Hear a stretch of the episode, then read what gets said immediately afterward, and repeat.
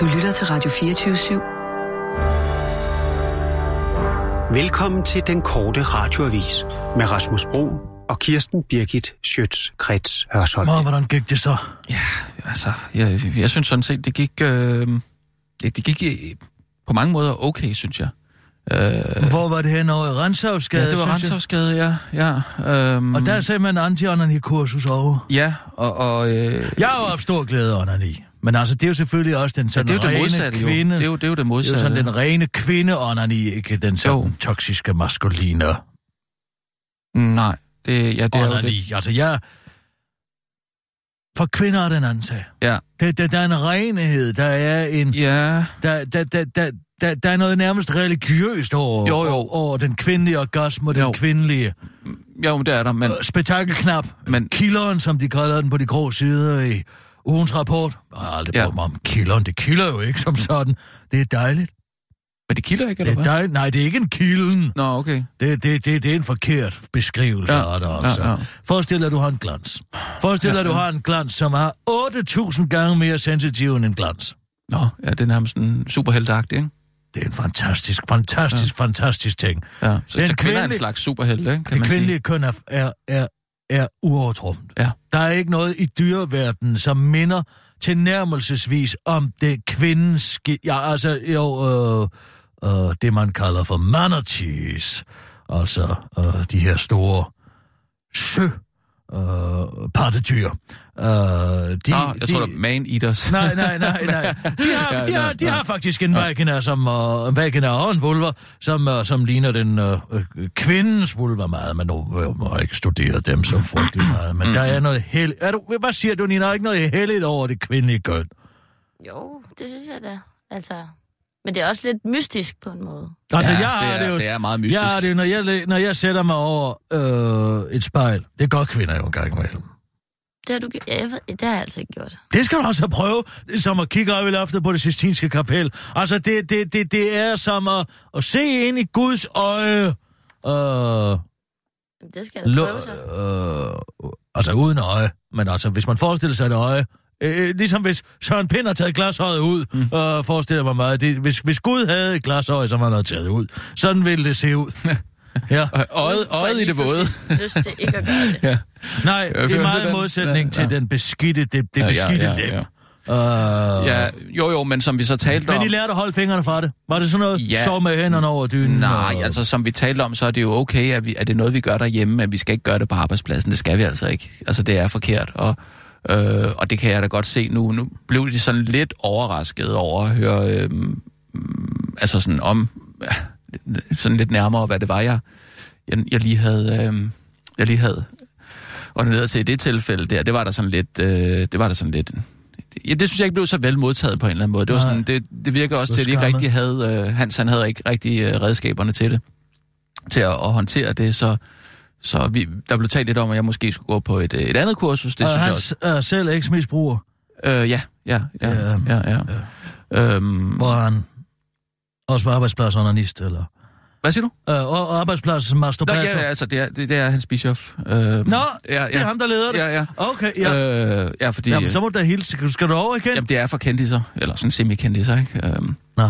Så, øh, så ja, ja, men det er så det, om jeg så skal gå på et, på, et andet, øh, på et andet kursus, eller hvad, fordi der, det, det er ikke sådan noget, de har redskaberne til rigtigt at håndtere øh, mine, mine fantasier. Det, øh, jeg ved godt, det er forkert.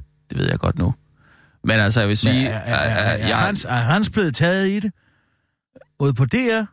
Jamen, det har du da selv fortalt meget om, ikke? Jamen, han direkte er blevet opdaget i det? Ja, ja, ja. Ja, ja, og... Øh, altså, Hvornår var det nu, det var? Ja, Ja, det Nå, var ja, det på okay. redaktionen. Nå, ja, okay, ja, ja. det er fint nok. Ja. Nej, altså, så, så jeg blev lidt overrasket over at høre alle de der krummer ude på toilettet. Det er faktisk Jarl, der, der sidder krummer derude. Nå, øhm, krummer? Ja, har du gået derover? Der altid ligger sådan noget uh, krummer fra, fra sådan noget hvidt, hvidt toastbrød ude på toilettet. Uh, det har du ikke tænkt over? Jeg går ikke på toilettet her. Nå, nå, okay. Ja, ikke hvis jeg kan undgå det. Nej, hvor sjovt. Nej, men det er fordi, han har en eller anden ting med. Han skal så... Øh, han skal så bruge øh, to sådan, øh, hvidt stykker toastbrød Nå. til, til sin. Og, og, og øh, altså, der fik han jo at vide, at det er jo helt okay, at han sidder ude på toilettet og onanerer, men han skal altså enten rydde op efter selv, Nå. eller lade være med at bruge det toastbrød der simpelthen. Ikke? Så, Ah, ja. det er det, han kalder for en spotted dick sandwich. Det skal jeg ikke kunne sige. Det er det, han mener, Det når han skal- siger ja, det. okay, Okay, ja, det giver ja. mening nu, ja. Ja. Okay. Vi kom ikke så meget ind på, på Kinans øh, misbrug, kan man sige, for han... Øh, jeg vil faktisk kun tale om giganter. Noget, jeg ikke selv har været sådan super opmærksom på, øh, det er jo, at øh, man har åbenbart fundet sådan nogle senge nede i det gamle øh, Mesopotamien. Ja, altså sådan nogle altså gamle kæmpe, kæmpe, kæmpe, kæmpe, kæmpe senge. Jamen, har du hørt om nogle kæmpe senge, man skulle have fundet der? Og jeg har hørt Kinan tale om nogle kæmpe senge. Hvad ja. fanden er det for noget? Altså, Øh, nogle, ja, nogle senge, er der skulle tilhøre nogle det, han- giganter, som har eksisteret på et eller andet tidspunkt. Ja, men du skal tænke på, han, han, han, øh, han er jo af den sådan mindre bemidlede abrahamitiske slægt, og, og, og de har jo en tendens til at, at, at tro på hvad som helst. Mm, skulle se om det. jo, men han sagde, at man har fundet nogle senge. Hvad, hvad er det for nogle senge? Øh, Jamen, han siger, at der, der har været en civilisation med nogle store senge i Mesopotamien, som, som er et bevis for, at der er fundet en menneskerace, som er øh, altså kæmper.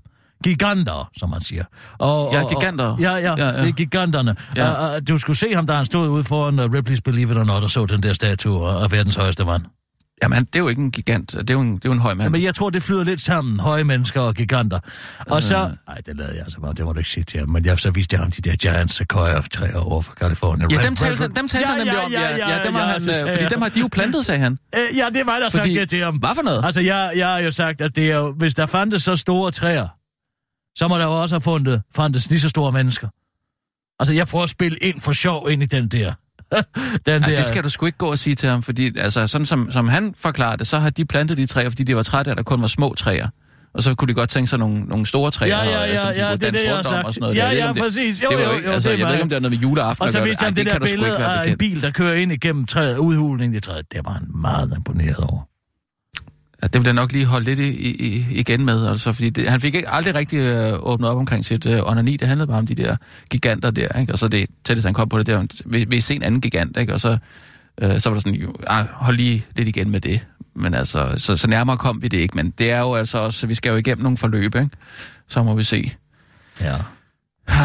Så hvad med Claus Riskær? Så du ham, øh, eller hørte du ham i, øh, Nej, jeg, i, jeg, i jeg, Lars jeg, Trier jeg nåede simpelthen ikke at øh, høre det i går, han klarede det godt. jeg fik, jeg, jeg fik lige podcastet det øh, under øh, madlavning i går, og jeg fattede ikke en skid af det. Det kan jeg altså lige så godt sige med Det gjorde du ikke. Ej, det gjorde jeg altså ikke. Altså, jeg Men vil det sige, handler om skattepolitik, ikke? Hvis det er med at afskaffe indkomstskatten og det ved, beskatte... ja, nej, det vil jeg ikke... Jo, måske. Altså, det vil jeg sige, det er, altså, hvis vi siger, at, at det program, øh, det er 100 procent, så vil jeg sige, at- at 0 procent af det forstod jeg. Giver det mening? Ja, ja, det forstår jeg godt. Okay, du forstod ja, ingen, det- det ingen procent af det. Øh, Ja, det vil jeg faktisk Hvis man sige. betragter altså, jeg forstår det godt ordene. som, øh, Ordene forstår jeg. Ja. Men det er, det er sammensætning af de ord, som ikke rigtig giver mening i, øh, i mine ører. Jeg ved ikke, om du måske har hvad mulighed du siger, at at Claus' skattepolitik ikke giver mening? Det skal jeg ikke kunne sige, faktisk. Jamen, han har jo regnet på det. Ja, men det siger Og han, han har også. han har. regnet derhjemme, så vil jeg godt se på, siger, der mangler 16 milliarder i det regnskab. Men altså, det kommer an på, hvilke, hvilke modeller man regner ud fra. Altså, han kan jo ikke sidde fuldstændig ene mand mm. og lave en hel skattepolitik. Han har lavet nogle udregninger, han har lavet et system, så må der ligesom være nogle andre mennesker, der tager over Jo. derfra og forsøger at få lavet det skatte. Altså, Ja, ja, men- øh, det, det, den skattepolitik nok. Ud jeg fra det, det efter handler ham. om, Jeg er ikke efter at ham, Kirsten. 8 ud af Ja. 10 skattekroner bliver betalt af den menige indkomstbetaler, den menige lønmodtager i det her land. Ja. Og det kan simpelthen ikke være rigtigt, når der ligger så mange milliarder i erhvervslivet, Det- det, som bliver det- det trukket ud i form af en, ja, hvad som deficit øh, omskrivning i hele Europa, og man, Deficit. man rykker, ja, og man rykker underskuddet rundt, hvis man er et internationalt, multinationalt selskab. Så tager Ja, man McDonald's sit underskud, ja, for eksempel, Ja. så tager de jo og, og flytter deres overskud rundt, og det Claus siger, det er jo, at der skal være Nej, nej, en, men Kirsten, en profitskat her Altså, i landet. Nu, ja, Sådan så man sørger for, at dem, som undlader Okay. at betale skat, nu kommer til at betale skat, sådan så det bliver mere lige. Og så Ja. bliver der så beskattet noget på nogle men det blev bare sådan noget økonomividens øh, pikmåling øh, hvor i det røde felt. Altså, Jeg synes faktisk, det var...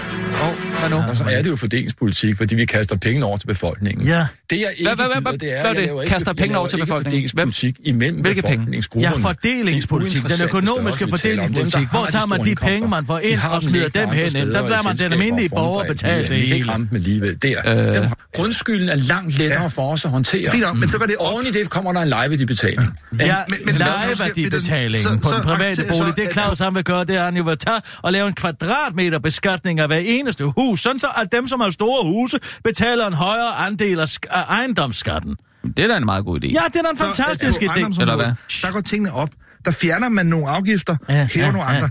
Det er jo Ja, ikke noget, der betyder, at de folk med høje indkomster kommer til at betale et andet sted. Det der, det er argument lige før. De kommer til at betale mere. Ja, de mennesker, de mennesker der betaler topskat, som ikke ville gøre det, så sagde du så, de kommer til at betale Han vil jo fjerne med. Nu vil de fundet ud af, Øh, grundskylden, ja. det kommer ikke til at betyde noget, fordi de sparer de samme penge i andres værdibeskat. Hvad er det så for nogle andre områder, topskattebetalere skulle betale her? Jamen, der, altså, topskatten vil jo blive ramt, altså, der, der er det med biler og både alt muligt ja, ja, pjat, ikke? Men altså, Åh, øh, men Bil, hvad er det for noget? Hvad er det Biler og både beskatning, Det altså altså, registreringsafgiften på biler og både. Hvad med det? Ja, den betaler man jo også, så hvis man har en bil, så har man jo en høj registreringsafgift. Som du betaler 180 procent af, hvis du har en Og dyr det bil. skal og man er så jo- have i stedet for et skattesystem, eller hvad? Nej, det skal man have som en led i et nyt skattesystem, som beskatter anderledes og ikke så meget på indkomst. Så man har stadig Altså, det- et, et det- skattesystem. altså, Ja, ja, et nyt, et nyt, nej, det er ikke indkomstbaseret, det er forbrugsbaseret. Det er det, du ikke forstår for Jamen, så, fanden. så skal det Ligesom gamle man skattesystem afskaffes, eller hvad? Ja, det skal afskaffes, og Claus han har jo lavet og regnet på det. Han har faktisk brugt god tid på det. Så Han har ikke nogen indkomstskat? det. Jamen- Jamen, topskatten skal fjernes, så skal der være en flad indkomstskat. Og så laver man en forbrugsskat. Jamen, det er der regnet på. Ja, jamen, Og jeg det- spørger det- bare, hvor meget? Det det er en procentdel. En Jamen- procentdel jamen, af det. ja, ja, Sådan ja. så, at to akademikere, de ikke kommer til at betale så tårnhøje Er indkomstskatter. der og et kommer op. konkret øh, Faktisk, tal? altså, Ja, det står på en- står lige på hjemmesiden, jeg kan ikke nogle lige ting 30-35 procent på kapitalgoder og sådan noget. Altså, det rammer folk, der har høje indkomst, Ja, ja, det den del af det, og det skal det også gøre. Men, men, du, men, men, det, men det er sådan set lidt forfejlet sigte der, fordi min grundholdning er jo den, det er, altså jeg er ikke så ekstremt optaget af, hvordan befolkningsindkomstfordeling er, fordi folk i Danmark tjener jo også de høje indkomster visse beløb. Hvis de ejer De noget, tjener så har de visse tendens til at lade Ja, ja. de virksomheder, de ejer. Men Claus, bliver Og, og det er derfor, jeg går over og siger, at vi, vi, vi- skal finde en løsning, hvor erhvervslivet bidrager. Og der Det er andet nemlig lige præcis det, der Det er der vel ikke nogen, der er Det er erhvervslivet. Det er der jo ikke Nej, men så er kommer jo og siger, jamen det kommer ikke til at gå altså, op 100 procent, fordi så er der, vil der være øh, en diskrepans på omkring 16 milliarder. Men der er det jo der, Claus han går ud og siger, at det kommer an på, hvordan man regner på det. Ja, det kommer an de- på, hvad man lægger til grund for den beregning. Okay, og det, er hvad, det, folk ikke hvad, hvad er det så, han gør? Jamen, han regner med nogle andre modeller end Sebers gør. De vil jo ikke have, at Claus han kommer ind med sin øh, kolde hoved og sit varme hjerte og laver om på hele øh, øh, den, det system, som Cepos har sat op. Du bliver nødt til at forstå, at Cepos er jo erhvervslivets øh, tænketank, ikke? Det er jo Ja, de højreorienterede, de, de borgerlige tænketank. De er jo interesseret i, Ja, ja. at erhvervet skal gå Ikke- så godt for erhvervslivet som, som overhovedet muligt. Men det er Claus, er vel ikke interesseret i, at, de, at de, de, de, de virksomheder, de skal slippe for at betale skat? Det er der i høj grad, de er, for de er bare interesseret i at fremme erhvervslivet. Så hvis de kan lave de finder, det er de sgu ligeglade med i den sidste ende. Det, Nå. det, det er ren ideologi, det kan jeg godt fortælle Tror du det? Det er en hets mod Claus. Nå. Det er en hets mod Claus, sådan er det. Nå, uha. Ej, det er godt, jeg kan godt lide, han gør så godt.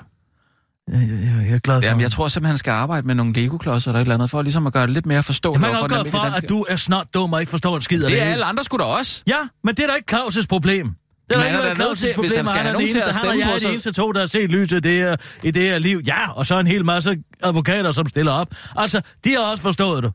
Ja. Men du kan ikke forstå det. Nej, jeg- Og Lars Trier kan ikke forstå det, fordi han påstår, at han ikke har nogen rød politik. Ved du hvad? Kom igen, Lars. Kom igen. Jamen, hvad er den, hvad er den røde politik? Hvad? Øh, Den, den røde politik Ja. i... i uh... Jeg tager lige en uh, nyhedsudsendelse. Nå. ja, okay. Uh, Nina? Ja. Klar, parat, skarp. Og nu, live fra Radio Gå og læs den på hjemmesiden. Øh. Jamen, jeg har sgu været derinde, altså. Det giver ikke... Nå, ja, ja. Kirsten Birgit Schøtzgrads Hørsholm. You go, girl! Nu bakker Eva Kjær Hansen også op om samtykke 6. Fuld opbakning til det. Der lyder det nu fra Venstres Fiskeri, Ligestilling og Nordisk Samarbejde minister Eva Kjær Hansen, der faktisk hele tiden har været en kæmpe fortæller for, at sex uden samtykke rent juridisk skal klassificeres som voldtægt. Og den er resten af Venstre herop til valget også helt med på, og dermed tegner der sig altså et bredt flertal for at ændre loven. Det er så dejligt.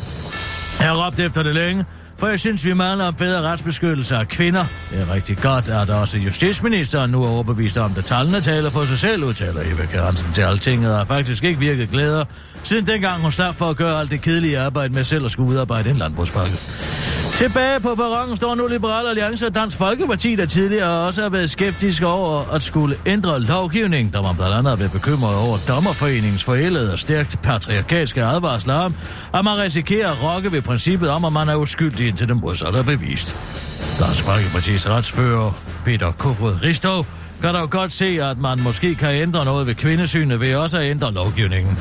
Det er der nogle organisationer, der går meget op i. Jeg går meget op i, hvordan myndighederne garanterer sagerne bedre, siger Peter Kofod Ristov til Alting og slår fast, at han ikke vil, citat, gå på barrikaderne for at modsætte sig en samtykkebaseret voldtægtslovgivning. Jeg er måske bare lidt bekymret for, at der snart ikke er flere gode sexstillinger tilbage, hvis man ændrer lovgivningen, udtaler han til den korte radioavis og nævner blandt andet en, som han har øvet sig rigtig meget på, med et par enkeltmandssenge de seneste par år. Man skal bruge et lomteklæde, 4 meter stærk bond, bondageræb, en gåse 4, to brystklemmer, et snortræk og en fisningdildo, tre mellemstore analæg og en flaske æder, afslutter han. Nu er det altså Theresa May's sidste chance. Synes du også, at Brexit-forhandlingerne har været en evighed, og er du efterhånden ved at være ret ligeglad med, hvordan Storbritannien og EU bliver skilt, så længe skilsmissen ikke er din skyld, og I alle kan blive for, forblive venner? Ja, så er det godt nyt. For nu er der kun 396 timer til Brexit. Deal or no deal. Og nu er Storbritannien og EU måske ved at ene som skilsmissepapirerne for sent i går aftes blev en hest Theresa May og en træt Jean-Claude Juncker enige om, citat juridisk bindende tilføjelser, citat slut, til den skilsmisseaftale, som de indgik sidste år. Selve aftalen er ikke blevet ændret, for Juncker havde sagt, at han ikke ville ændre et eneste komma, hvilket lykkedes for den snurev, der bare tilføjede tre dokumenter, og derfor teoretisk set ikke har ændret kommateringen. Dokumenterne indeholder præciseringer om det såkaldte backstop, der skal forhindre en hård grænse mellem Irland og Nordirland, og så britterne nu skal finde en alternativ måde at vogte grænser uden toller. Og nu er det altså sidste chance for mig. Juncker vil ikke ændre i aftalen, det gør han nemlig kun to gange, men tredje gang, der siger han altså stop. Nogle gange får man en chance til i politik. Det, der tæller, er, hvad man gør med den ekstra chance, for der kommer ikke en tredje chance, siger Jean-Claude Juncker på et pressemøde ifølge DR. Til den korte radioavis fortæller Juncker en anden idé til et system hvordan, øh, for, hvordan man bedst vogter grænsen mellem Irland og Nordirland. Første gang lader vi bilen gå, anden gang lige så, men tredje gang så tager vi den og putter den i toldinspektion, udtaler Jean-Claude Juncker og tilføjer. Hvis det her Brexit har løg lykkes, og alle parter er glade, så må du kalde mig Jean-Claude Van Damme. I dag skal det britiske parlament stemme om den nye aftale, så den korte radiovis ønsker held og lykke. May the force be with me. Steve's far er død! Endnu en tragedie har ramt Beverly Hills 90210 fans verdens over Steves far, Rush Sanders, er nemlig død. Han så stille ind og var omgivet af sin familie og var højt elsket af os og så mange andre, skriver Steves rigtige søn, Rick Brown, på Facebook har han bakkes op af Steves fars falske søn, Steve. Jeg er så trist over at høre, at vi har mistet endnu 210 kolleger. Jeg havde fornøjelsen af at arbejde med Jet Allen fra 94 til 99. Han var sådan en god fyr at arbejde sammen med. Han vil blive savnet, skriver Steve på Instagram, foran til den korte radioavis forklarer, at det er mærkeligt nu at være i den alder, hvor folk begynder at dø omkring ham. Det begynder at skulle minde om en Final Destination-film.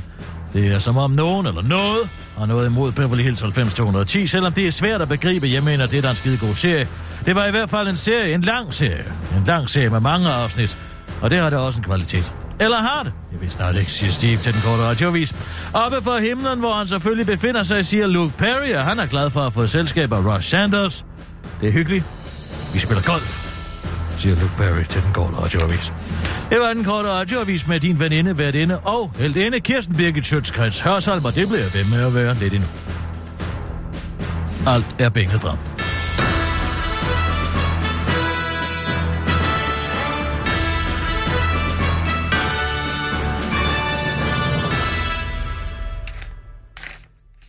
Nina, Hvad er det for noget, det her? Ja, vil du ikke gå ind og hente en flaske vodka til mig? Jo. Og hvad- hvad nu? Jeg skal lige i stødet. I stødet? Jeg skal lige i stødet. Øh, hvilket stød tænker du på? Det er en teknik, en skuespillerteknik, der hedder... Hvad er det nu, det hedder? Hvad er det nu, det hedder? Det hedder... Øh, kom i stødet? Øh, kom, ja. Nå. Og det er noget, jeg har lært af, af, af Lars von Trier. Det er sådan, han gør. Ja. Når han skal instruere noget godt, så drikker han en hel masse. Nå, Tak skal du have, Nina. er det en, øh, er det en, en, en sund fremgangsmåde? Det ved jeg ikke, men det bliver skide godt, det han laver. Uh, uh, uh, uh, ja. Nej, jeg skal sige dig, at jeg har fået et tip. Ja. Jeg har hørt en lille fugl synge. Om hvad? Du har fået udleveret nogle dokumenter. Ja, jeg sidder og kigger på dem her. Det er godt. Hvad, det, det ligner en øh, mail-korrespondance. Det er en mailkorrespondance. Det er en pennevennermail, korrespondence. Pennevenne? Penneuvennermail. Det drejer sig om, at jeg taler med Torben Steno. Mm. Kender du Torben Steno? Øh, ja, Det er ham og for kort det er, og Steno. ja, det er jo Jarls, den, øh. Jarls ven. Ja, Jarls ven. Ja. Og øh, han fortæller mig en ting, som jeg synes er lidt interessant. Han spørger, hvorfor jeg har givet troldeherren videre og nedlagt mit, mit Hvad? regiment, så at sige. Min, Det har han front. hørt. Det har han hørt. Jeg ved ikke, om han er med. Det kan være, at Jarl har sagt noget. Ved Jarl noget om det? Øh, han talte ikke om det i går i hvert fald. Nå, men han fortæller mig så, at han har oplevet noget interessant, fordi alle går jo og spørger sig selv, hvad er det Tulsendal er imod Radio 24 Hvorfor er det, han hader den så meget, at den partout skal os? Ja, det vil Og man kan jo gå rundt og tænke over, at det er måske bare generelt mod, vilje mod det, der hedder armslængdeprincippet inden for mediepolitikken, og han sådan set bare gerne vil smadre noget, han ikke kan lide. Mm. Hvad skal man sige? Hæmme den demokratiske samtale? Jo, det kan man godt sige. Ja. Nå, men hvorom alting er, så fortæller Torben mig, at han har været inde og aflevere noget, der hedder en Bismarck-pris. Ja, fra, øh, fra, fra programmet. Øh, Kort og Steno. Ja, præcis. Ja. De har noget, der hedder en Bismarck-pris, opkaldt Ja, ja. efter den øh, øh, tyske feltmarskal, altså der samlede Tyskland, ikke? Ja, ja, ja. Og, og, og, og, og, og i den forbindelse har de været inde og aflevere. Det er noget, de giver til sådan en særlig snedig politiker. Ja, sådan... Øh, Det er sådan en årspris. ja, ja, sådan ja, for de har jo den der fidusbamse der. Det ved jeg ikke, hvad er. Jo, det er sådan en... Det, det, den giver de en gang om ugen til okay. en politiker, der Nå, har ja. markeret sig. Sjovt, øh, okay. Ja. Så, og så en gang om året, så er det så, er det en, særlig stor pris, ikke? sådan, ja. Ja. Den har de så været inde og give til Christian Tulsendal Mm-hmm. her øh, for et par måneder siden. Mm. Og øh, så står de og har en par siger bagefter, de har en plakat med Mm-hmm. til Christian Tulsendal. Og så efter optagelserne, hvor de får ja, om den her Bismarck-pris, øh, så har de en plakat med, hvor der åbenbart er... Øh, Ja, det er den der med de der, der sidder op i øh, New York øh, Skyline, der, Nej, de der nej, arbejdere, der nej, sidder op der. den. Der er den med de der hunde der, der, Nej, der spiller... ikke den. øh, Nej, på, heller hvad er det så? Uh, Little Girl in Italy? Nej, nej, Øh, nej, hvad så? nej, nej, Øh, nej. øh, Ah, noget Monet? Stop! De har den plakat med, som blev produceret her på radioen, hvor alle radioprogrammernes små logoer er. Der er sådan en. Nå, Der er det en noget for ham? plakat. Nej, jeg, jeg, jeg tror, det var en, det, man kalder conversation piece, og så en conversation starter. Nå, Nice okay. Ja, ja, ja. tilbage efter. Men så siger Tulsendal så, nu parafraserer jeg, ja. øh, til og Steno. Ja, det er jo sådan set ikke, fordi jeg har noget imod radioen som sådan. Jeg kan sådan set godt lide de programmer, der bliver sendt, siger han. Nå, ja. Og så siger Torben så til ham, jamen du er godt klar over, og det med at flytte til Jylland, det kommer jo sådan set ikke komme til at, at påvirke en stor del af de her programmer, som er på den her, som du så godt kan lide, fordi at de mennesker, der laver de programmer, er såkaldte freelance-ansatte. Og arbejder ikke i nyhedsafdelingen. Nej, Vel? nej. Så dem kan man ikke på den måde få til at skifte arbejdsplads, for de er ikke fast de er ikke fast Nej, der er mange freelancere, ja, Der- det er det, der. er Ja, stort set der. kun Ja. freelancer på Ja, ja, ja, ja, ja. Ja, ja, det Det bliver. Christian Tulsendal chokeret over at høre. Det var han faktisk ikke klar over. Nej, det vidste han ikke. Nej. Det, det er jo sådan, hele radioen er bygget op, jo. Det er jo... Ja, det har han jo så åbenbart ikke lige sat sig ind i. Nå, okay. Og han indser så måske det, at hele projektet måske er lidt dumt. Nå. Fordi det ikke får den ønskede virkning, hvis og så frem Radio 24 vinder sendtilladelsen en gang til, fordi de langt største af de programmer, der kører, som Åh. ikke er om morgenen, eller... Bliver han sådan lidt fjern i blikket, får den der... Brrr, hvor, hvor det er som om baggrunden sådan Ja, det, det, det tilbage, beskriver eller- Torben ikke på den måde. Men han siger, at der, der kommer en, en nærmest sådan lidt klodset stemning. Nå. Og så siger han noget, og det er grunden til, at du har nærværende papir. Og så siger Tulsendal, nej, men ved du hvad, jeg tog også beslutningen om, at den radiokanal skal flyttes. Og det er jo vigtigt at sige, at det er ham, der har taget den beslutning, fordi baglandene i Dansk Folkeparti kan sådan set godt lide Radio 24 I sin nuværende form. Så det er kun Tulle. Det er kun Tulle. Oprindeligt var han jo sur på Simon Andersen, der var nyhedschef herovre, fordi Men Simon baglandet Andersen... er jo altid enig med, øh, med ledelsen. Ja, udad til i hvert fald. De tre uh, lokalpolitiske formænd, der forleden dag sagde, at de godt kunne tænke sig lidt mere markant Tulsendal. Er du klar over, hvor mange blå mærker de har i dag? De er jo tæsket på plads. Ja. Nå, men hvorom alting er. Så siger han så, jeg, fordi jeg tog beslutningen efter, jeg havde en mailkorrespondance i politikken med Jørgen Ramsgaard. Der sagde han simpelthen mm. noget, der gjorde mig så rasende. Nå. Jeg besluttede, at den radio, den skal lukkes. Så Hvorfor havde de den i politikken? det er sådan noget... Det er sådan en rigtig politikken idé. Du ved sådan en... Så sender jeg en mail til dig, så sender du en mail til mig. Jamen er det ikke bare... Der er der bare tre mails her eller sådan noget? Ja, ja, ja, men den stopper nemlig, fordi Jørgen, han stiller et spørgsmål øh, til ham på sidste side, sidste, den har han så ikke svaret på. Men det, jeg har læst den igennem, og jeg kan simpelthen ikke helt redde i, hvad fanden der er i det her, han skulle være blevet så pisse sur over. At han vil lukke en radiokanal. Ja. Nej. Og derfor så tænkte jeg måske, at vi skulle rollespil. Ja. Jeg kan jo sætte mig i alle sted. Jeg har en fat, fattig, ufattelig abstraktions, altså et abstraktionsniveau, der ligger ud over det sædvanlige. Ja, og du har meget empati også. ikke? Utrolig Sådan, øh, meget. Når det lige... Fantastisk meget. Jeg kan sætte mig i alle sted. Ja. Og derfor så vil jeg prøve, at du, Jørgen, og Jeg jeg, Jørgen. og jeg Tulle. Og der vil jeg sætte mig i hans sted, og så vil jeg høre dine ord. Ja, Og så vil jeg se, hvor jeg bliver me- mest rasende. okay. Allermest Jeg har jo ikke den der dybe stemme der, som Jørgen har. Bum, bum, bum, bum, bum, Dernede. Og så den der jyske der. Oh, oh, oh, oh, oh, oh, oh. Det kan jeg jo ikke. Nej, men det må vi så prøve at undvære. Nå. Det er i hvert fald ikke det jyske i Jørgen Tulle over Nej, det er jo selvfølgelig også en mail. Det er også en mail, Det er en jo, kan mail. man sige, som man... man Måske skal du i virkeligheden læse den op med Tulles stemme. Han har vel en indre monolog. Nej, ved du hvad? Gør det som Jørgen. Men altså, altså med... med. Jeg kan også bare læse den op. Ja. jeg er lige ind i Dansk Folkeparti mindset.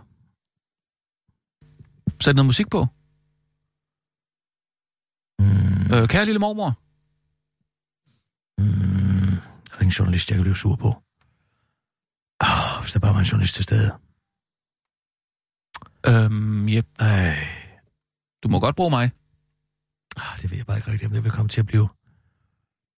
Øh, Sig et eller andet dårligt om Dansk Folkeparti. jamen altså, det er jo bare en, øh, en flok racister, ikke? Hvad fanden biler du dig ind? Der er med ikke særlig mange af os, der er dømt for racisme. Og dem, der er der tilfældigvis er, altså. er dømt for racisme, dem skal du med bare Morten med. Sådan taler vi ikke til hinanden. Søren Krav. Sådan taler vi ikke til hinanden her. Og sådan er det. Vi siger ikke, at folk er noget, de er dømt for. Det kan jeg godt fortælle dig. Det er en jurier. Er du klar over det? Nej. Vi vil fandme have, at vi skal have lov til ubetinget ytringsfrihed, men det der, det er med over grænsen, er du klar over det? Det vil jeg fandme ikke finde mig i. Jeg vil ikke finde mig at blive kaldt noget, Du som er jeg er for. Okay, godt nok. Jeg, jeg, jeg, jeg, er ved at være, jeg, jeg er faktisk ved at være inde i den. Uh, uh, uh. Det er svært at være hård og ømskinnet på samme tid. Ja. Hård og ømskinnet. Ja. Åh, oh, oh, kan du ikke lige komme, kan du ikke lige komme med en til? Bare lige så jeg er i Øh, stødet. Øhm, jeg synes, det er godt. Hvad fanden er det for noget? Er du klar over, at de er nogle røde lejesvende, som påstår alt muligt om Dansk Folkeparti, og kun laver kritisk, kritisk journalistik på Public service hedder det Public faktisk. service, jamen hvorfor public Vi har haft service et program det om ikke? kristendom. Det Vi har er- haft et bogprogram. Det er ren og skær københavneri, det der. Har Hvornår du set Danmarks historien måske? til- Ved du hvad? Nu skal du fandme ikke få mig godt i gang. Det kan jeg godt fortælle dig, kammerat. Hvorfor er der ikke noget, der bliver nævnt overhovedet om, at det er de konservative, der starter? Okay, du er der. Du er der. Med frikunst Danmark! Du er der. Okay, jeg er der igen. Du tager den først med. Øhm, jamen, det er jo til Jørgen. Nå jo, så er det mig. Fuck. Okay. Kære Jørgen, Ja. Nå, undskyld. du ved jo, at Dansk Folkeparti for nylig har foreslået, at den glimrende radiostation Radio 24 flyttes til Aarhus. Jeg kan forstå, at du ikke er begejstret for ideen. Det forstår jeg virkelig ikke. I dag har begge landsdækkende licensfinansieret taleradio Radio 24-7 og et hovedsæde i København. Når vi finansierer disse to medier via vores fælleskald, giver det bedre mening, at den ene sender fra vores hovedstad, og den anden fra Danmarks næststørste by, Aarhus. Vi skal væk fra tankegangen om, at det landstækkende medie ikke kan have base andre steder end i København. Hvis Radio 24 flyttes til Aarhus, er jeg ganske overbevist om, at der vil være en strøm af gode kilder, I kan tage fat i. Den fremragende, og det fremragende Aarhus Universitet ligger i byen, hvor eksperter i håbetal vil stå klar til at deltage i jeres programmer. Journalister i skolen ligger i byen, hvorfra I kan hente jeres nye talenter. Og der bor jo også masser af folketingsmedlemmer og meningsdannere i Jylland, ligesom nogle af de største erhvervsvirksomheder i Danmark ligger i Jylland. Du vil sikkert også skrive i dit svar til mig, at Folketinget og alle de større institutioner ligger i København, og at man dermed vil isolere jer fra en masse kilder. Men det er helt uenig i. En flytning til Jylland vil betyde helt nye muligheder for at finde alternative kilder end de sædvanlige, at kunne træde skridt tilbage og kunne anskue nyhedsstrømmen fra en ny vinkel med nye kilder. Og hvis der så alligevel er en politiker eller to i København, som ikke kan komme i studiet til Aarhus, så eksisterer der jo telefoner. Ligesom at jeg i dag ofte sagde 24-7 via telefonen. Og hvis jøder og fynboer kan tage til København for at komme i radioen, så må jeg jo gå ud fra, at der er og til af jøder i jeres radio. Så må københavnerne jo også kunne komme til Jylland. Der er faktisk lige langt. Radio 24 er en radiostation, der fra starten har fokus på at lave anderledes radio, at bryde med normerne og lave overraskende journalistik. Derfor er det mig en gåde, at man så blankt afviser at base i en by som Aarhus, der emmer af kultur. Det undrer mig meget, når vi har diskussioner om et land i balance, at det jyske nærmest bliver omtalt som et mennesketomt goldt område, hvorfra intet kan eksistere. Jeg synes, det er nedladende. Lad os i stedet omfavne hele Danmark. Vil du ikke give det en tanke? Med venlig hilsen, Christian. Kære Christian, tro mig, jeg tænker ikke på andet. Men jeg tænker ikke på postnummer og kontorbygninger i forbindelse med Radio 24 Pøh! Eller i at blive kastebold i en debat om modsætninger mellem land og by. Ikke et sekund. Jeg tænker på radio og journalistik, og på at give danskerne det bedste af begge dele. Det har jeg gjort siden 1980'erne, hvor jeg nærmest var for rød til Radio Rita og for jysk til Københavns Radio. Siden har jeg beskæftiget mig med alle sider af medieproduktion og journalistik de seneste syv år på Radio 24 Derfor kan jeg med en vis erfaring sige, det er nemt at lave en ny landstækkende radiokanal, uanset postnummer.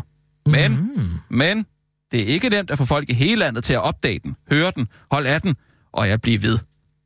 Succeskriteriet for Radio 24 var at blive hele Danmarks alternative ta- taleradio.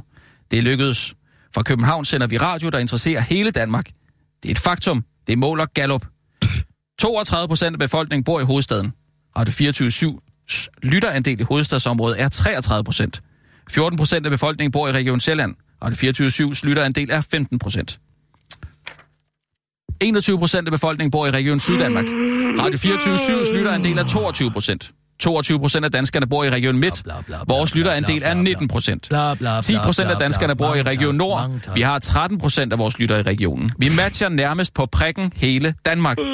Det var ikke nemt at finde den rette opskrift på Radio 24 Vi havde en svær start, og var længe om at få hul igennem til lytterne. Ikke fordi vi bor i København, men det har taget tid at opbygge en journalistisk kultur, stærke programmer, markante værter og en forbindelse til lytterne. Det har vi nu, og forklaringen er, at vi sender live, skaber debat og laver journalistik, der interesserer hele Danmark. Mm. Den type radio øh, laves mest effektivt fra København af helt lavpraktiske grunde. Det giver den bedste landsdækkende radio for pengene, det ved jeg. Så hvorfor lave Radio 24 om? Du skriver om skævheden mellem land og by, men det synes vores lyttere til synlædende ikke præger Radio 24 Jeg synes, du skulle lytte til lytterne i hele landet.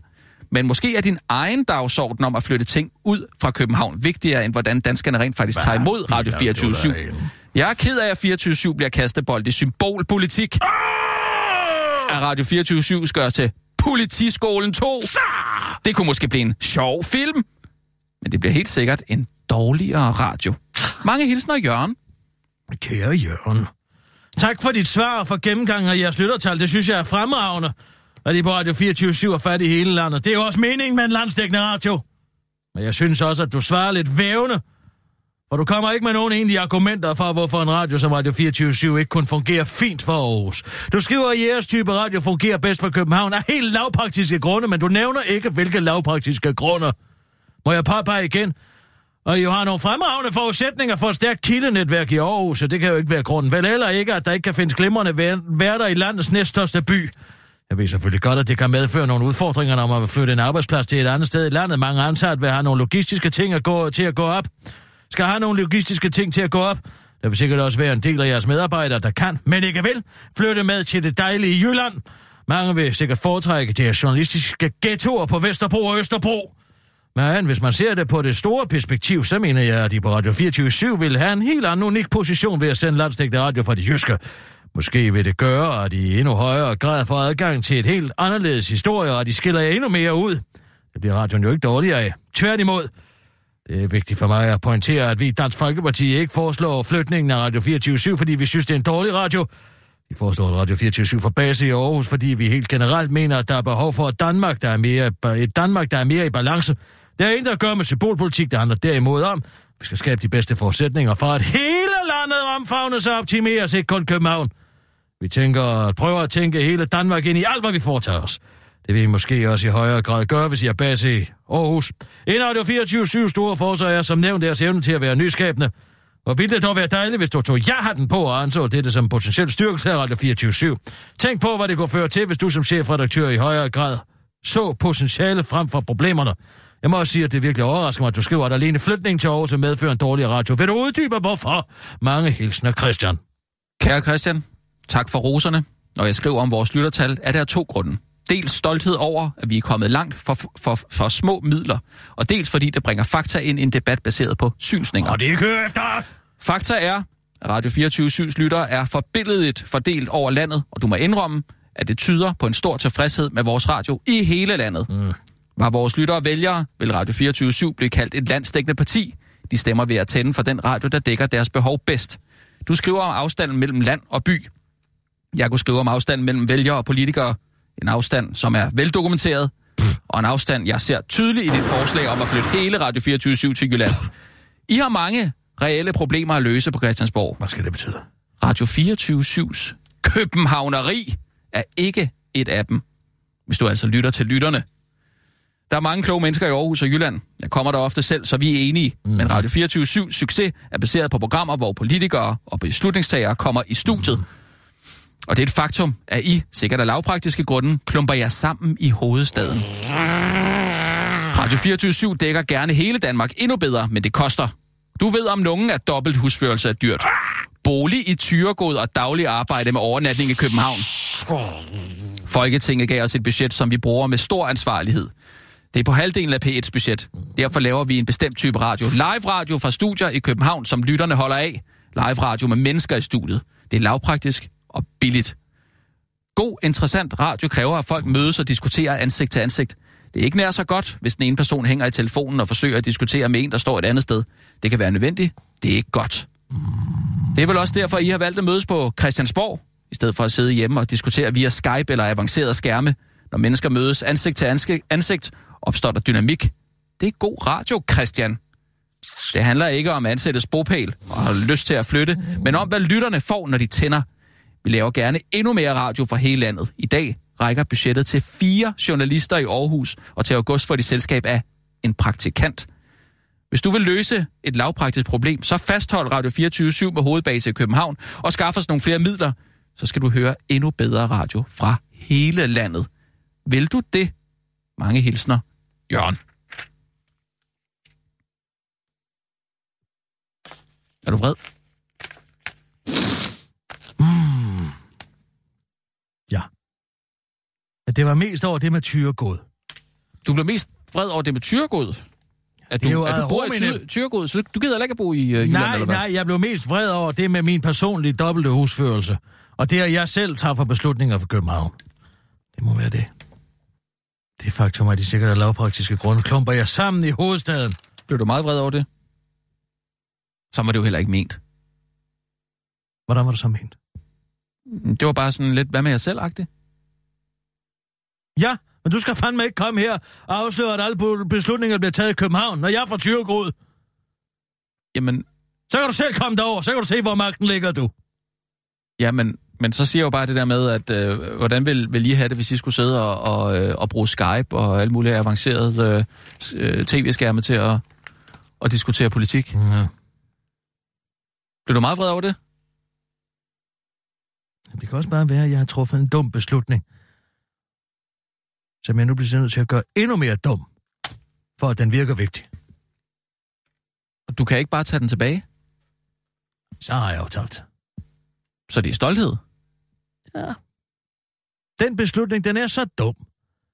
Og jeg bliver nødt til at gøre den endnu mere dummere. Endnu dummere. Jeg tror, det er det.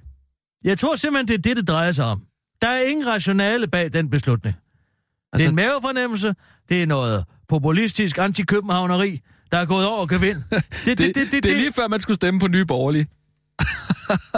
Tænk, hvis de havde en kulturpolitik om at, at forsvare Radio 24 ikke? det kunne sgu få mig til at stemme på Nye Borgerlige. ah. Men alligevel. Ikke? Altså, Mm. jeg ved ikke, hvad deres kulturpolitik går ud på, men de kunne da godt lige forsvare Radio 24 Jeg har en ikke? mediepolitik. Hvad siger du? Jeg har en mediepolitik. Det her skal privatiseres. Der skal public service penge ud i, så vidt jeg husker, ud i nogle puljer, som kan søges af private aktører, fuldstændig ligesom Radio 24 Ja, Ja, ja. Men altså, så siger jeg bare, det kunne simpelthen få dig til at overveje det. Dansk Folkeparti er jo med gang for at miste deres, de få stemmer, de er tilbage. Og Dansk altså, mener du det alvorligt? Dansk Folkepartis bagland er sådan set meget glad for Radio 24 Vi er jo den eneste islamkritiske stemme på- radio i hele Danmark. Hvad? Nej, nej, nej. Prøv at høre her. Det falder faktisk i hak. Hvordan? Hvad, hvad, hvad sagde jeg? Pernille Vermund, Nej, det hun var mangler bare... jo nogle gode stød til Christian Tulsendal. Christian Tulsendal står i den frygtelige situation, at han er jo blevet en del af realpolitikken. Nu står de jo ude på sidelinjen. Ja. Og hvorfor er det, at Christian Tulsendal, han vil ødelægge en radio, som er den eneste islamkritiske radio i hele Danmark? Det er jo et glimrende spørgsmål for Pernille Vermund. Jo, men, øhm, men så skulle man jo lige sluge den med Nina? deres indvandrerpolitik. Det, det er jo Ja. sådan lidt... Vil du ikke øh, lige på at ringe til Pernille Vermund? Ja, det har de fleste Dansk Folkeparti-vælgere, der har gjort i forvejen. Ja. Men jeg ved ikke, om jeg vil kunne. Selvfølgelig ville kun det. Selvfølgelig ville kun det. Så skulle man selvfølgelig klare hele øh, indvandringsproblematikken på et andet tidspunkt, og så lige få, få sikret Radio 24 En gang må jeg gå i seng med djævlen. Det er Pernille. Goddag, Pernille. Du taler med Kirsten Birgit Schøtz-Krets Hørsholm. Goddag. Goddag. Forstyrrer jeg dig? Nej, jeg sidder lige midt i et møde, men nu går jeg lige ud. Det er fint. Nå, det er godt. Prøv at høre her. øhm. Jeg tror, vi har øh, to problemer med den samme løsning. Ja, Du har jo den fordel, at Christian Tulsendal, han er ved at blive realpolitiker, ikke? Det så vi jo i debatten nede i Sønderjylland. Ved at blive har han ikke været det længe. Nå, men du kan i hvert fald anfægte, at han er blevet det her de sidste 10 år, og derfor måske ikke har den strikse udlændingepolitik, som I kan tilbyde. Jo? Ja, jeg vil jo i hvert fald sige, at øh, han er ikke klar til at stå fast for at få løst problemerne. For Nej, nej, nej. Det er det, jeg mener. Men altså, du har jo den fordel, at du kan nappe noget af hans bagland, ikke? Det er jo det, Christian Tulsendal er allermest bange for. Det er jo, at du kommer og tager nogle stemmer fra ham, ikke sandt? De 15 procent, han efterhånden er tilbage. Korrekt? Øh, ja, det, det, der er i hvert fald et, et væsentligt overlap mellem Mm. de danskere, der har stemt på ham før, og dem, der stemmer på os. Ja, ja, ja. Og jeg har jo sådan set en mediepolitik, ikke sandt? Der det, jeg skal privatiseres, og nogle midler ud til nogle private mediestationer, som bliver finansieret med public service midler, ja? Præcis. Så har jeg måske en idé, som kan gavne os begge. Ja, Et ømt punkt for Christian Ja. Tulsendal. Det er baglandet. Han har jo ikke sit bagland med sig lige i øjeblikket. Der er mange, der overvejer at stemme på jer. De synes, han ikke er så markant. Han er jo ikke den der frække dreng i klassen mere, vel? Men det er du jo. den frække dreng i klassen. Ja, den smukke kvinde i klassen, ikke? Men prøv at høre her en gang. Fordi at uh, uh, Radio 24 vil han jo gerne nedlægge. Ja, det har jeg, det har jeg kunnet læse mig Nå, nej, nej, men altså, det, Pernille, den, den, den, er, den er sikker som ammen i kirken. Det drejer sig om, ja. at de nuværende form ejerkredsen bag Radio 24 har sagt til Dansk Folkeparti og til forligskredsen, at 60-40 til Jylland, det kan lige gå. Og nu har han så oppet den til 80-20. Altså, det er jo et, et helt klart billede på, at man ønsker at nedlægge Radio Ja, 24 i sin det- nuværende det form. lader det til. Ja, det, det lader det det til. Men øh, man kunne spørge Christian Tulsendal, hvorfor i alverden han ønsker at nedlægge den eneste nationale radiokanal, der har et kritisk syn på islam. Ja, det kunne man jo så spørge ham om. Det vil jo være et oplagt spørgsmål, kan man sige. Det vil være et ja. Ja. oplagt spørgsmål, som jeg er sikker på, at mange i hans bagland er interesseret i at høre nærmere om. Altså, fordi ja. som det står lige nu, så er det Bauer Media eller Viasat, som kommer til at overtage det. Så der tror jeg ikke, du får en Asger Jul, der går i flæsket på en imam.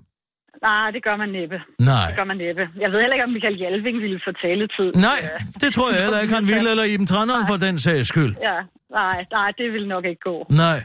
Og så, så, så, så jeg tænker altså, når du nu skal møde ham i en debat fremad, og, øh, i frem, for fremtiden, så kan du jo øh, spørge ham, hvorfor han er så interesseret i at nedlægge en radiostation, som på den måde er med til at bidrage til opretholdelsen af den di- demokratiske dialog og øh, de, de journalistiske historier, som er kritiske på islam. Det synes jeg lyder øh, som et, et interessant bud på en god debat. Det kunne måske lige frem være for jer et fjerde ufravigeligt krav, at uh, Radio 24 i sin nuværende form skal bibeholdes. jeg kan love dig, at, øh, at vi vil gøre alt, hvad vi kan for at støtte op om, at politikerne Mm. ikke blander sig i, hvordan landsdækkende øh, radiostationer de øh, producerer deres radio, mm. eller hvorfra de gør det. Og øh, ja, Ja, jeg tænker bare, der hvor du skal ramme ham, det er på baglandet. Det er på vælgerne. Dem kan, ja. du, dem kan, du, dem kan du godt påflække Men- til, men- Pernille. Du men- har dem i Sønderland. Ja, Det så jeg. det har jeg. Jeg så, du har Ja, dem i Sønderland. Der er ikke men, nogen men jeg tvivl. bliver, nødt, jeg bliver nødt til at spørge dig, nu når du ved så meget om hans bagland, så bliver jeg nødt til at spørge dig, altså hvor mange lyttere har I øh, i hans bagland? Jamen, det er faktisk sådan så, at vi er øh, ufattelig godt repræsenteret i Jylland. Og Og der hvad- har du også mange af dine lige et øjeblik. Hvad hedder Jeg det der tal- område dernede? Jeg har, jeg har tallene her. Nu skal du se her lige et øjeblik. Uh, 32, 14 procent af befolkningen af vores, uh, af vores lyttere bor i Region Sjælland. Og uh, nu skal jeg lige se her, hvor resten af de dokumenter... Lige et øjeblik, jeg har råd papirerne herinde. Uh, 21 procent uh, af vores lyttere bor i Region Syddanmark. 22 procent af vores lyttere bor i Region Midtjylland. Og 10 procent bor i Region Nord. Okay, så det er cirka en femtedel, der bor i Region Sydjylland. Det er en femtedel, og en femtedel, der bor i Region Midt. Ja. Og så er det ja. cirka, øh, ja, så en tiende del, der bor i Region Nord, og resten Region Sjælland, ikke? Ja. Så det vil sige, når man lukker Radio 24-7, Ja. så er der en relativt stor andel af de mennesker, som bor ude i landet, der i dag kan høre den korte radioavis, Mhm. mm-hmm. som vil sidde tilbage med risiko for, at de ender på lykkepiller. Er det der, vi er? Du har forstået det, kan jeg høre. det er godt, men altså, jeg vil bare sige, kør løs. Det gør jeg. Det er godt, ha' det godt, for Pernille. snakken. Ja, god fornøjelse. Hej, hej. Tak. Hej. Uh, Hvad er det? Ah, der er noget. Ja, det er en rigtig... Jeg må lige... Lige et øjeblik, skal lige have glas vand. Mm.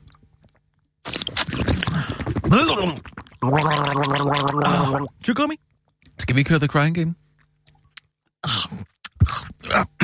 Ej, vil du høre noget sjovt? Ja. Marie Krav. Hvad er det for noget? Der er noget med udsugningen herinde. Ja, den er ikke til at få af. Det er som, den sidder. Han sidder og krasser på tungen. Det er som om det, det er helt nede, hvad jeg har. Hår. Hår. Hår. Hår. Hår. Ej, øh.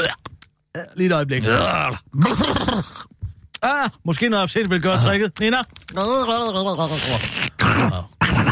Den breder sig nu. Ja. Det er som om, det bliver værre. Uh, jeg kan mærke den ud i ørerne. Og jeg går altså i bad. Skal du ud i bad? Jeg går i bad. Jeg skal i bad. Jeg tager lige, øh, tager lige en nyhedsudsendelse. Ro. Og nu, live fra Radio 24 Studio i København.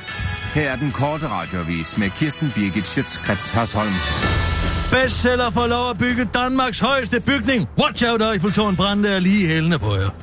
Bestseller milliardær Anders Holk Poulsens mangeårige våde drøm om at rejse et tårn og en by opkaldt efter hans egen virksomhed ser nu ud til at blive til virkelighed, fortæller han til TV2. Et øh, enigt byråd i Karlsbrande Kommune har godkendt planerne for opførelsen af en helt ny bydel, Bestseller Tower Village der rummer et nyt beboelsesområde til godt 7.000 mennesker. Et 320 meter højt tårn, 60 butikker, boliger, hoteller, konferencecenter, kontorlokaler, caféer, restauranter, uddannelsesinstitutioner, legepladser, cykelstier og en tankstation. Og før du giver dig til at søge efter brande på Google Maps, den by har du sikkert aldrig hørt om, dit venstreorienterede københavnersvin. Eller før du øh, giver dig til at stille kritiske spørgsmål om, hvad i alverden et 320 meter højt tårn skal gøre godt for i brande, og hvem der betaler for det, eller hvem der betaler for det, hvis det er imod at logik og forventning ikke lige er så lukrativt at bygge luksusboliger og butikker i forlængelse af en større dansk firma i Brande, som på Vesterbro, så tager lige en slapper. Borgmester i Kasbrande Kommune i Bøj Lauritsen fra Venstre er nemlig lige så begejstret, som du burde være. Hvis du vil lave trækplaster, så skal det også være der. Og så, så skal det også være der. Og så skal det også være lidt outstanding, udtaler i Bøj Lauritsen til TV2. Til spørgsmålet fra TV2's udsendte rapporter om, hvad det øh, er, der trækker ved et højt tårn, udtaler i Bøj Lauritsen, og han citat, ikke rigtig fint, hvad det er, der trækker. Men jeg ved da selv, at jeg var i Toronto, og der skulle jeg lige prøve op i, i CN uh, øh, Tower forstås. Hvis uh, det ikke er et godt argument, så ved jeg fandme ikke, hvad det er, afslutter i Bøj Lauritsen til en kort radioavis. Tidligere venstremand Sauron Pind har blandet følelser omkring projektet. Det er selvfølgelig skønt at se en venstreborgmester være del i opførelsen af tårn, der er højt nok til at se rundt i hele Midgård. Men uh, også drøn ærgerligt, at det ikke sker i min politiske karriere. Jeg forestiller mig, at Venstre i Midtjylland flytter sin kontor til toppen af tårnet, selvom det uden øh, mig og mit glasøje vil være sværere at hvor borgerne med et blik, der ser gennem skygger, skyer, skov og kød. Men det er vel det 5G-tårnene skal gøre op for. Udtaler Søren Pind til den korte radioavis og bliver suppleret af Dansk Folkepartis medieordfører Morten Barinus, der med store øjne og en halv fed i bukserne udbryder. Ja, netop! Der er 300-283 km til brændende, så jeg foreslår, at vi sender det 24-7 afsted med det samme. Byggeriet er ganske vist øh, overvis fra overhovedet at gå i gang, men din vision er at placere radioen midt imellem 5G-senderne og det Leos Lejland, jeg har lovet Martin Henriksen at opføre. udtaler Morten Marinus til den korte radioavis. Det var den korte radioavis, men blev hængende, for nu har jeg fået et kulturindspark fra vores allesammens Katrine Dias.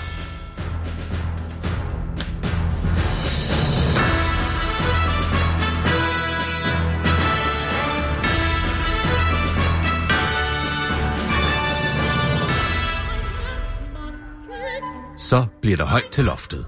For nu byder den korte radiovis indenfor på Kulturredaktionen, hvor vi i samarbejde med Berlingske bringer en anmeldelse af litteraturanmelder Katrine Dias. Velkommen til Katrine Dias' kulturklumme, Mon Diaz. Kan man ikke bare få lov at gå i det kongelige i fred? Forleden var der premiere på yndlingsrusseren Prokofievs ballet Askepot. Og da jeg står på premierlisten, så skulle jeg naturligvis derind. Eller nu siger jeg derind. For jeg bruger faktisk det meste af døgnet på at stå ude foran det kongelige teaters gamle scene mellem Mønslager og Holberg, i tilfælde af, at nogen fra Instagram skulle se mig får lyst til at lægge mig op. Og mens jeg så står der og venter på, at klokken bliver 19.30 og passer mig selv, kommer der en mand med en Grand Noir hen og slår en passiar op. Manden er blevet tiltrukket af mig på lang afstand og spørger helt seriøst, om prinsessen holder fridag, og om der er en Audrey Hepburn lookalike konkurrence på Kongens Nytorv i dag. Jeg må forklare ham, at det er der ikke, men jeg godt kan forstå hans antagelse, da Audrey Hepburn er født i Belgien, og derfor fransktalende ligesom mig. Øh, ligesom hun også er smuk og virker troende på andre kvinder. I det mindste er ingen af jer kloge, replicerede han, hvor til jeg svarede. Excusez-moi, monsieur, votre chien a un bidreit. Je lis le bec dans la langue d'orchirigine. Der er fransk og betyder Undskyld mig her. Deres hund har stiv pik, og jeg læser Ulbæk på originalsproget. Det sker faktisk tit, at hunde får stive pikke se på mig.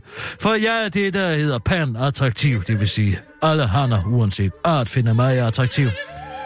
En gang var der en grå jago i Knuttenborg Safari Park, der bed hovedet af sig selv, da den fandt ud af, at den ikke kunne få mig i en bibelsk forstand.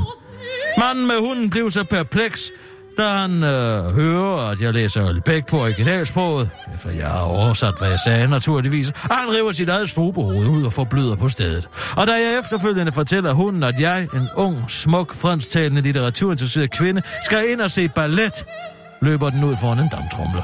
Det sidste, jeg ser, er dens penis, der får udløsning. Så døde den der lykkelig. Nå, men hvorfor i alverden er Københavns cyklister så ret heroiske?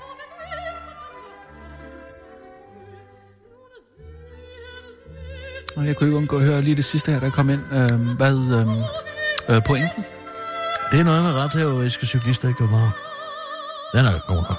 Det er forfærdeligt at ligge og køre rundt. Og så får man bliver med råbt af. Mm. Og så gør man dit og dat. Det er da lidt besønderligt, ikke? Nå, er stedet på? Øh. Nina, kort mig lige ud. Åh, oh, sorry. Sid simpelthen og sov. Du skal lige... Nej, det går ikke så godt. Du, du skal lige prøve at høre efter, når pointen kommer, så er det vigtigt, at den lige... Øh, Ah, okay, ja. ja. Der skal Ja. vi ud. Det må vi lige træne. Skal I have punchline nu? Nej, der, der Punchline. skal ikke punchline. Punchline tilhører så tirsdag. Nå, ja, med ruder. Det er helt hen i vejret. Hallo, er du vågen? Ikke rigtigt. Åbenbart. Har du været i mit arkivskab? Men Jeg kunne ikke lige undgå at se, at der var et ordentligt lager. Nej. Nina, har du egentlig set uh, Leaving Neverland? Ja, den har jeg faktisk set. Hvad siger du? Du må ikke sige noget, Kirsten. Det Tankevækkende. er totalt Ja, urealistisk. den er tanke... Lad nu lige, lad nu lige, Nina. Den det er er tankevækkende. ene Lad nu løgnhistorie oven på den anden, lad det kan jeg lige- godt fortælle jer. Kan vi ikke tale om Marie Krav i stedet? Der er altså noget morsomt. Jeg, jeg synes lige, vi skal have fat Der i er noget morsomt Neverland. i Marie Knud. Brix, Knud Brix, han jeg- giver sig. Åh, Han siger, wow, den er altså tankevækkende, den her. Der var en psykolog indover, som bakker fuldstændig 100 en, psy- procent en psykolog, op om der deres Kuno. vidner. Jeg skal fandme ikke høre på, hvad en psykolog siger, der har samme navn som en hund. Det kan jeg godt fortælle dig. Det har han da heller ikke. Kuno, det er jo ikke en menneskenavn. Kan vi tale om Marie Krav? Kujo, Kan vi tale om Marie Krav? det er bare fordi, det er pigenavn. Det kan du ikke tåle. Du kan ikke tåle, at der er en Kan vi mand, der tale har om en pigenavn. Marie Krav? Ja, så lad os tale om Marie Krav. Hvad, hvad nu? Jamen, det er sjovt, fordi der er jo, det er jo virkelig en non-historie, kan man sige, med Marie Krav. Ikke? Øh, jo, Og altså... det der der- med, at hun har øh, sagt rus- nej til at blive øh, reværet af en russisk efterretningstjeneste. Men interessant er, det jeg mærke til, at hun i januar måned i år har spurgt ind til anonymiseringen blandt mennesker anklaget for at samarbejde med fremmede magter i Folketinget. Det er da lidt spøjst, er det ikke? Det er da meget pudsigt. Det er da pudsigt, hun i Ja. januar spørger i Folketinget, kan man kræve anonymitet for anklagede mennesker, folk der er anklaget for at samarbejde med fremmede magter? Ja. Det, det er pudsigt. Det er lidt underligt, Men ikke? det er også lidt pudsigt, at du synes, at, at Kuno er et hundenavn. Han har Når det er tydeligvis er et kvindenavn. Han har været som, en barnlig sjæl, der har godt at kunne lide at sove sammen med børn. Det er jo ikke en forbrydelse.